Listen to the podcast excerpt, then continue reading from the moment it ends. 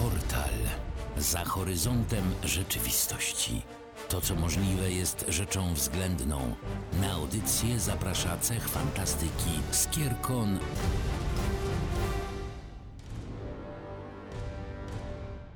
Niedzielne popołudnie i to jakie. I w związku z tym wszystkim dzisiaj kolejny raz portal. Witają Was Katris i Chili. Cześć Katris. Cześć Chili. I dziś będziemy rozmawiać o czymś, co jest naprawdę pełne mocy, pełne radości pełne odradzającego się życia i światła, czyli będziemy rozmawiać o słowiańskich szczodrych godach. To będzie naprawdę miłe i mam nadzieję, że odprężające. Wszyscy potrzebujemy o tej porze roku takiego miłego, odprężającego, chillującego momentu w życiu, żeby złapać głębszy oddech i przetrwać i wejść z rozmachem w ten kolejny rok. To jest taki okres, kiedy kończy się właśnie ten ciężki okres dla przyrody.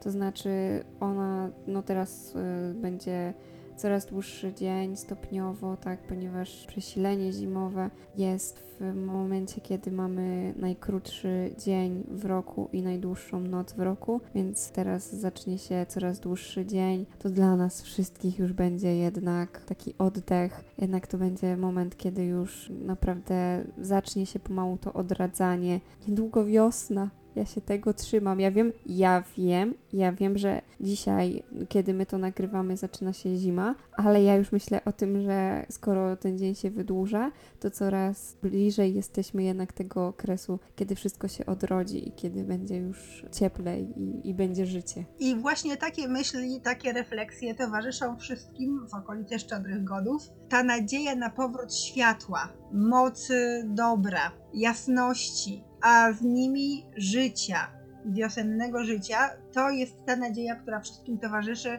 kiedy zaczynają obchodzić szczodre gody, ale zanim dochodzi do tych szczodrych godów, to jest ważny moment, taki moment zatrzymania oddechu, taki moment w ogóle zatrzymania życia, taki, taki moment jak jakiś mega cliffhanger w filmie. To jest ten moment tak zwanego stania słońca, tych kilka dni, kiedy dzień jest już naprawdę krótki, ale nie dostrzegamy, żeby on się jakoś szczególnie skracał czy wydłużał. Po prostu jest taki moment zawahania. Słowianie i inni przedstawiciele ludów indoeuropejskich dostrzegali ten moment tego stania słońca i patrzyli, przeżywali go w pewnej grozie. Czy kołowrót czasu ruszy dalej i pójdzie w kierunku wiosny, cała sytuacja, czy też się zatrzyma i zostaniemy w okowach wiecznej zimy. To był taki moment niepewności. Dlatego należało Szczodre Gody solennie świętować, żeby ten kołowrót czasu na pewno popchnąć, żeby on się znowu obrócił, żeby światło i życie znów wróciły na świat. Tak więc y, Szczodre Gody miały to zapewnić, te wszystkie obrzędy, te wszystkie potrawy, e, te wszystkie zwyczaje miały dać moc kołowrotowi, żeby się obrócił już ku dobremu, ku światłu, ku życiu. Oj, a to świętowanie to było takie naprawdę z rozmachem, z przytupem. No jakże? Z tego co kojarzę, to Szczodre Gody jako takie święto całościowe trwało przez kilka, a nawet kilkanaście dni. O tak! To było naprawdę takie porządne e, świętowanie tego, że wow, dobra, to słońce zaczęło wracać, zaczęło być coraz dłuższe. I no ja się nie dziwię, że przerażającą wizją było to, że ten kołowrót się zatrzyma akurat w tym momencie, bo szczerze mówiąc wychodzę do domu, wychodzę z domu do pracy, kiedy jest ciemno, wracam do domu, kiedy jest ciemno i podejrzewam, że dla naszych przodków też to było przerażające, że oni się budzą i budzą się bez tego słońca i, i, i, że to słońce tak szybko zachodzi. No i jeszcze ten mróz i brak jedzenia, to, to musiało być naprawdę prawdziwie przerażające pomyślenie, że, że, że akurat w tym momencie może się e, ten czas zatrzymać. Tak, i w wielu mitach czy podaniach czy bajkach ludowych ludów indoeuropejskich ten strach przed zatrzymaniem kołowrotu czasu właśnie w zimę, no jest ewidentnie widoczny i czerpie z tego kultura, bo na przykład jeżeli, no pierwsze moje skojarzenie z zatrzymanym kołowrotem czasu to jest oczywiście Lew Czarownica i Stara Szafa, gdzie trwa odwieczna praktycznie zima, wszystko jest skute lodem, a na dodatek nie ma Bożego Narodzenia, czyli to oczywiście chodzi tutaj właśnie o to, o, o, nie ma tej szansy, aby wierni mogli obrócić kołowrót czasu i popchnąć go swoją mocą i swoimi obchodami do przodu. To jest rzecz dosyć istotna i rzeczywiście szczodre gody trwały kilka dni. One tak trwały dla upewnienia się. Kiedy już było widać, że dzień się troszeczkę wydłużył, no to było wiadomo, że nasze obchody, nasze jedzenie, picie, świętowanie, spotykanie się z przyjaciółmi, z rodziną dały ten skutek, że kołowrót czasu zawahał się owszem, ale ruszył. I to było bardzo ważne i to miało być skutkiem właśnie obchodów. Wtedy, no wiadomo, że już być może w Spichrzach nie było tyle dostatku co jesienią, ale na szczodre gody na stole musiało pojawić się to, co najlepsze, to, co tam jeszcze zostało w spiżarniach, więc to musiały być miody, to musiały być kołacze, to musiały być e, potrawy, które no, nawiązywały do pewnej symboliki solarnej. Tak więc tutaj no, można by wiele takich e, obrzędów wymienić i zaraz to zrobimy, ale chodzi mi teraz o to, mówię tutaj to wszystko po to, żeby powiedzieć, że gospodarze wyjmowali na stoły po prostu to, co najlepszego im zostało, żeby naprawdę no, z pełnią czci dla bogów i dla przodków no, obchodzić te szczodre gody. To nie były przelewki, to tutaj ważyły się sprawy świata. No właśnie miałam powiedzieć, że to świętowanie z przytupem nie y, było związane tylko i wyłącznie z tym, ile dni świętowano, tylko właśnie z tym też, y, w jaki sposób świętowano, no bo miód, orzechy, właśnie te wszystkie przysmaki. Zobacz chociażby, jak bogatym daniem jest kutia, Tak. która obowiązkowo musiała stać na stole, bo ona była tym takim najbogatszym daniem. Tam mamy przecież rodzynki, mamy orzechy, mamy, no rodzynki no to teraz, tak, ale mamy y, tam owoce różne, mamy kaszę, mamy miód, tam jest dużo miodu przecież w kuti. No i jeszcze mak oczywiście musiał się pojawić w jak największej ilości potraw. Tak, no, a- no mak ma duże znaczenie takie mm, ochronne, dobrze mówię, odprawiające pewne czary. Tak, jest to roślina apotropeiczna, jednocześnie jakby skojarzona również ze snem, ze śmiercią, ale też chroniąca przed tymi jakby negatywnymi elementami związanymi ze śmiercią, czyli z jakimś atakiem demonicznym, czy też trafieniem do nawi bez opieki i tak dalej. Mak zresztą w bardzo wielu kulturach poprzedzających w ogóle przybycie ludów indoeuropejskich na tereny dzisiejszej Europy też miał takie niesamowite konotacje, więc y, mak jest dużo starszy niż kultura ludów indoeuropejskich tutaj w Europie, więc trudno mi w tej chwili powiedzieć, czy ludy indoeuropejskie przejęły symbolikę i znaczenie maku od tutaj wcześniej funkcjonujących ludów, czy też przyniosły swoje tradycje i obrzędy z tym związane ze sobą, po prostu nałożyły się one na te dawniejsze zwyczaje. Niemniej jednak no, mak jest jedną z pierwszych roślin, co do których y, nie mamy wątpliwości, że miała ogromne znaczenie dla ludzkości, jeśli mogę tak powiedzieć, kulturowe, religijne, takie właśnie apotropeiczne. Więc ten mak był obecny niewątpliwie na stole Słowianina, zresztą do dziś dnia jest obecny i to jest jedna z tych tradycji, których y, no, przestrzegamy niezależnie od zmiany czasów czy wyznania. takimi kolejnymi tradycjami, które bardzo silnie są kojarzone z e, właśnie naszymi terenami, z tym okresem. Wydaje mi się, że to dzielenie się chlebem, obecnie przejęte przez chrześcijaństwo jako dzielenie się opłatkiem, to jest coś, co mi się wydaje, że występuje tutaj na tych terenach i tak silnie mi się kojarzy właśnie z e, naszymi słowiańskimi terenami, akurat ten obrządek. dzielenie się chlebem i dzielenie się wszystkimi potrawami, których musiało być 12 na stole. 12 było taką potężną, magiczną liczbą Słowian, które było taką liczbą mocy i nawiązywano do tej takiej potężnej liczby przygotowując ucztę. Na ucztę zapraszano sąsiadów, przyjaciół, rodzinę, żeby jak, największa, jak największe grono osób zasiadło przy stole, żeby poczuć wspólnotę, poczuć tę moc wspólnoty, żeby wybaczyć sobie jakieś urazy, żeby być razem i poczuć to wsparcie poczuć to, że nie jest się e, jakąś samotną wyspą na tym zimowym oceanie, tylko że jest się częścią wspólnoty, to było bardzo ważne. I kiedy mm, Słowianin przychodził do Słowianina w gości w Szczodre Gody, to przynosił mu na przykład gałązkę dębu, który był symbolem odradzającego się życia, bo wiadomo, że listki dębu pozostają na drzewie przy odrobinie szczęścia aż do samej wiosny, dopiero są zrzucane przez następne e, młode pączki, które były chronione przez ten stary liść przed przymrozkami, aż do momentu, kiedy były gotowe stać się już nie pączkami, a prawdziwymi listkami. Dla Słowianina dąb był drzewem świętym, należał do Peruna, który w wielu regionach Słowiańszczyzny był świętowitem, był tym najważniejszym bóstwem, na przykład u nas na Mazowszu, Perun był najważniejszym bogiem. I no właśnie przyniesienie takiej gałązki oznaczało przyniesienie błogosławieństwa, przyniesienie nadziei na wiosnę, na odrodzenie się życia. Więc to tak, ale nasze lokalne tradycje wcale nie wykluczały drzew iglastych ze szczodrych godów, bo podłaźniczki, czyli podwieszone pod sufitem gałęzie sosny, świerku czy jodły, a także nawet całe niewielkie drzewka ozdobione smakołykami, pierniczkami czy ozdobami ze słomy też były obecne i też symbolizowały życie, dokładnie w ten sam sposób, w którym symbolizowały życie w kulturze y, nordyckiej czy germańskiej, czy też nordycko-germańskiej. Rzecz w tym, że po prostu troszeczkę inaczej było to eksponowane, bo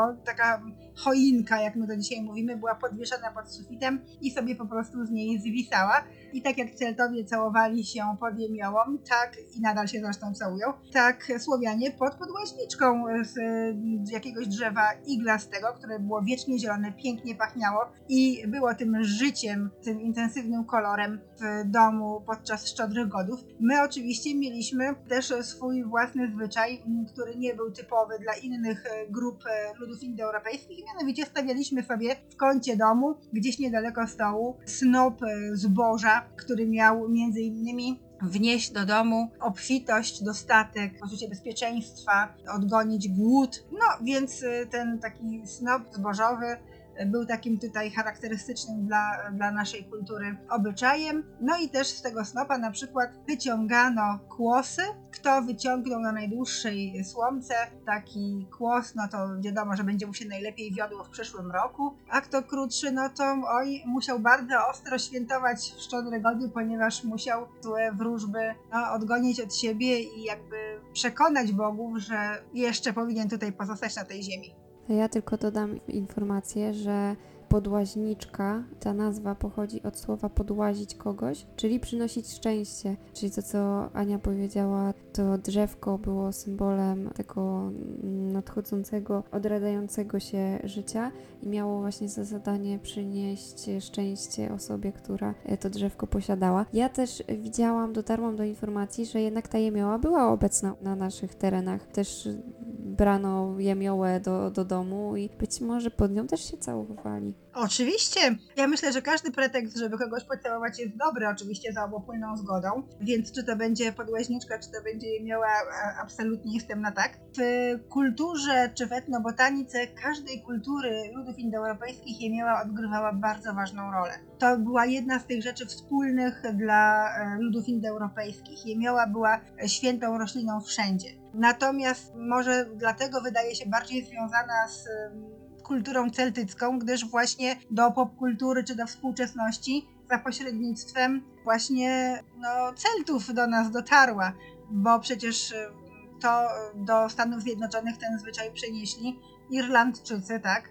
Więc y, jakby tak się tutaj jakby do takiej ogólnej globalnej kultury dostała, a że u nas była obecna, to na pewno tak. Chociaż może nie kojarzy się tak na pierwszy rzut z tymi naszymi tutaj rodzimymi zwyczajami. Ja myślę tylko, że to jest doskonały przykład na to, że czasami w umiłowaniu własnych tradycji potępiamy tradycje innych kultur, czy to będzie Halloween, czy to będzie całowanie pod jemiołą, czy jeszcze coś innego, ale gdyby dobrze poszperać, dobrze poszukać i dobrze poczytać, to nagle się okaże, że tak naprawdę nie są to żadne zwyczaje, czy powiedzmy obrządki, których byśmy nie znali w naszej kulturze i tak naprawdę nie są one nam aż tak bardzo obce, jakby się to wydawało na pierwszy rzut oka. Wspomniałaś o Halloween, to mi się przypomniał y, mem, który gdzieś tam krążył w tym okresie y, po no mojej takiej części internetu, w której ja się obracam, czyli tej boomerskiej bardziej, jakby to moi kuzyni powiedzieli. I właśnie mm, widziałam tam było tak, że Halloween jest y, tępiony, bo to nie jest nasze, bo to przyszło z zachodu, bo jacyś przebierańcy, bo to nie jest katolickie, ale kolędowanie już jest ok. I tutaj już nikt się nie czepia tego, że to jest pogańskie, że, pochodzi właśnie z tych tradycji pogańskich, bo przecież kolędowanie było jedną z tradycji właśnie typowo y, słowiańskich, typowo pogańskich. I ten turoń, który tam jest obecny w obecnie kolędowanie trochę inaczej wygląda. Y, już rzadko kto się przebiera, a przynajmniej no, ja nie kojarzę, żeby u mnie się ktoś przebierał. Wiem, że są tradycje bardzo silne w niektórych częściach naszego kraju, gdzie rzeczywiście chodzą grupy y, tych przebierańców i, i tam rzeczywiście są trzymane mm, mocno te tradycje za kogo się przebierają. I tam zawsze musi być obecny turoń. I ten turoń wcale nie oznacza diabła, tylko Welesa, któremu, jak czytałam, są najbardziej te szczodre gody poświęcone. No właśnie, no teraz tutaj obrazoburcze treści tutaj poruszamy, ale, no ale rzeczywiście tak, jak najbardziej. Weles był bardzo ważną postacią we wszelkich obrzędach religijnych, które odbywały się podczas szczodrych godów, chociaż oczywiście nie obywało się bez wspomnienia i złożenia ofiary innym bogom. Jak najbardziej. W każdym razie chciałabym jeszcze powiedzieć, do czego ludzie wykorzystywali szczodre gody, poza tym, żeby się dobrze najeść, żeby dobrze świętować, żeby popchnąć kołowrót czasu, żeby spotkać się z rodziną i z bliskimi. A to już nie jest wystarczający powód? To jest powód, ale było ich jeszcze dużo więcej. Nie mówię, że to był niewystarczający powód, chociażby jedna z tych rzeczy by wystarczała, ale szczodre gody były również ważnym momentem, który pozwalał pewne no, społeczne normy zachować. Wspominałam już o tym, że to był doskonały czas, żeby się pogodzić, ponieważ czasami nawet jeżeli honor nam nie pozwalał się pogodzić, albo no nie wiem, godność osobista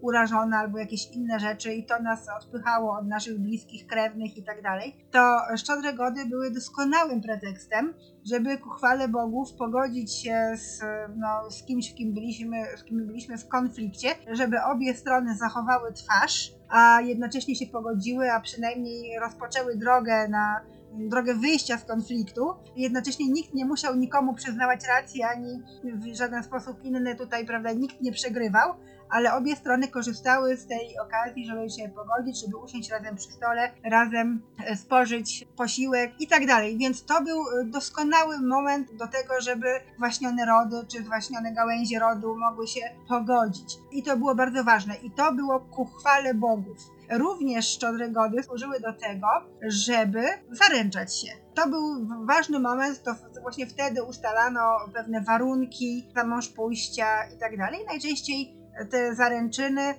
trwały do końca września, kiedy były święta dożynkowe, kiedy była największa obfitość, kiedy można było sobie pozwolić na pewne ekstrawagancje w jedzeniu i piciu, bo wszystkiego było w bród, kiedy już właśnie kończyły się zbiory, można było odpocząć, można było świętować, można było zawrzeć związek małżeński i żeby dziewczyna miała czas, żeby zebrać sobie wszystkie potrzebne rzeczy, które, by, które będą jej niezbędne, gdy będzie już e, panią domu, no to musiała dostać trochę czasu. I nie zawsze to było tak, że zaręczona na szczodre gody dziewczyna wychodziła za mąż od razu, prawda, po tych dożynkach, czy na te dożynki, ale może to było za rok w dożynki. W każdym razie najczęściej tak było, że umawiane małżeństwa szczodre gody no, dopełniały się gdzieś w okolicy właśnie dożynkowej. Ja jeszcze bym chciała wspomnieć o tradycji szczodrogodowej, która jest y, dla mnie bardzo ważna, jest mi bardzo bliska. Pozostawienie pustego miejsca przy stole, pustego talerzyka. Obecnie się mówi, że to dla y, strudzonego wędrowca, który być może gdzieś tam y, przyjdzie. Nasi przodkowie wierzyli, że przy tym miejscu, mm, przy tym właśnie talerzyku zasiadają nasi przodkowie, albo przynajmniej jeden przodek. W każdym razie to był czas, kiedy y, ta granica była mm, cienka i znowu po, po raz kolejny ja mam wrażenie, że ci przodkowie bardzo często y, lubili schodzić na, na, nasze, na nasze tereny, y, odwiedzać. Kiedy tylko mogli. No właśnie, i tutaj Szczodre Gody to kolejny moment, kiedy mogli nas odwiedzać, i właśnie ten pusty talerzyk jest takim zaproszeniem dla nich, co jest piękne. Odkładano po odrobinie każdej z potraw, odkładano właśnie na ten pusty talerzyk dla przodków i częstowano ich właśnie tymi potrawami, które my spożywaliśmy, będąc tutaj na naszym świecie. I dla nich właśnie ten e, odrobina zawsze była zostawiana.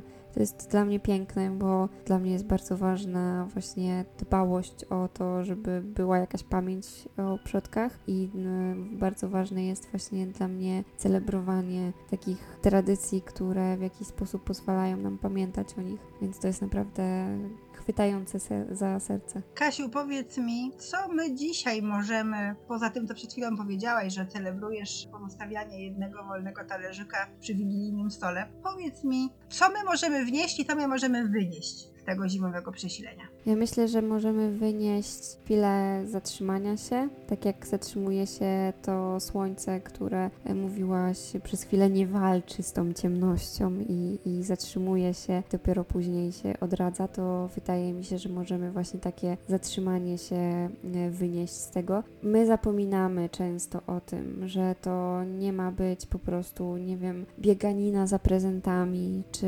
walka o to, żeby mieć nie wiem, jak największą ucztę, tylko no to powinno być czas, który spędzamy z bliskimi, który celebrujemy z bliskimi nam osobami. Jeżeli bliska nam nie jest rodzina nasza rodzona, to moim zdaniem nie powinniśmy się do tego zmuszać, tylko spędzić ten czas naprawdę z takimi osobami, na których nam zależy i które przynoszą nam szczęście, którymi naprawdę chętnie e, po prostu poświętujemy to, że, że tak jest, ten świat zaczyna się odradzać i, i światło zwycięża ciemność. To myślę, że to możemy wynieść, a wnieść wydaje mi się, że takie zdrowe podejście do tradycji, to znaczy przy jednym stole mogą się spotkać e, osoby e, wierzące, e, osoby tak z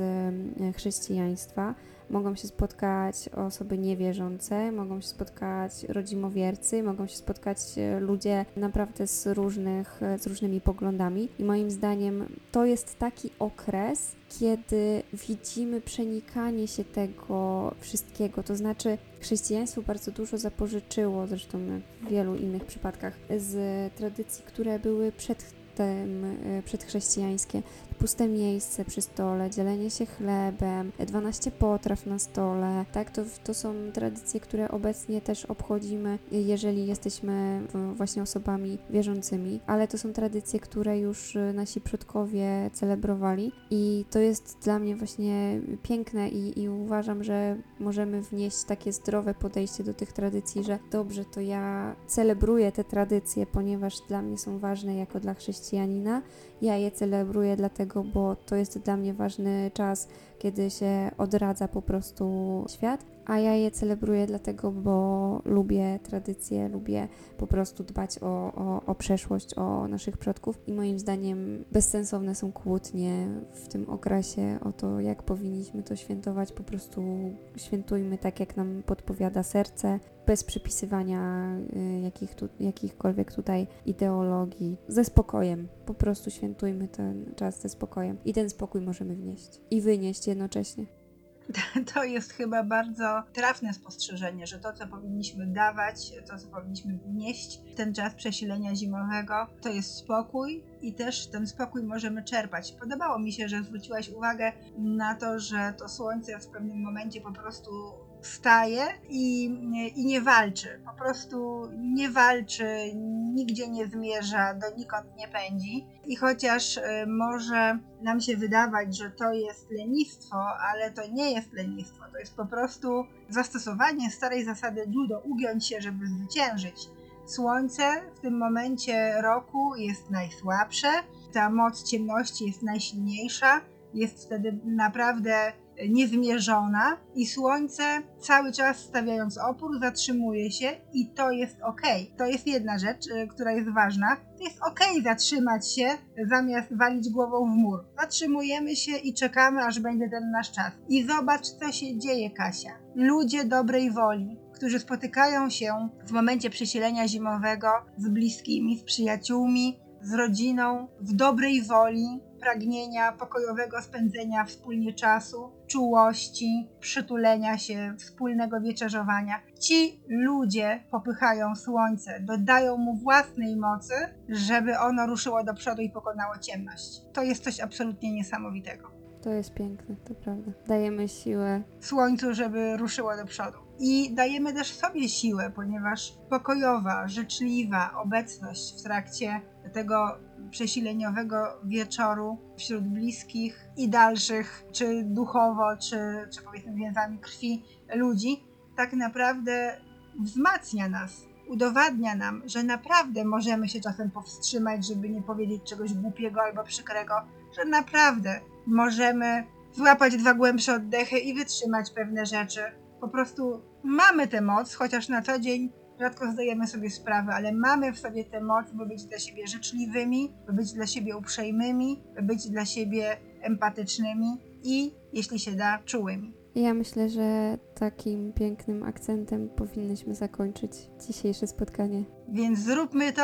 Życzymy Wam, żeby kołowrót czasu obrócił się we właściwym kierunku i żeby przyszła wiosna i żeby wróciło światło i żebyście z tego czasu wynieśli dla siebie odrobinę odpoczynku, spokoju, poczucia bezpieczeństwa, żebyście zjedli mnóstwo pysznych rzeczy i żebyście się do siebie wzajemnie uśmiechali, żebyście się jak najbardziej przytulali do wszystkich swoich bliskich. Tak, życzę Wam tego, żeby ten okres był takim spokojnym, ale i radosnym momentem y, w ciągu roku. Momentem, kiedy się zatrzymacie, pomyślicie o tym, co ten rok Wam przyniósł, co być może chcecie, aby rok następny przyniósł. No bo właśnie to słońce się na chwilę zatrzymuje, później zwycięża, więc ja liczę na to, że pomimo tego, że być może mm, obecny rok był ciężki, to w końcu to światło wygra i następny rok będzie już lepszy. Trzymam za to kciuki. A jak będziecie mieli wolną chwilę, to poszukajcie archiwalnych e, nagrań portalu, które mogą Was e, rozśmieszyć, mogą Was rozbawić, mogą Was rozczulić,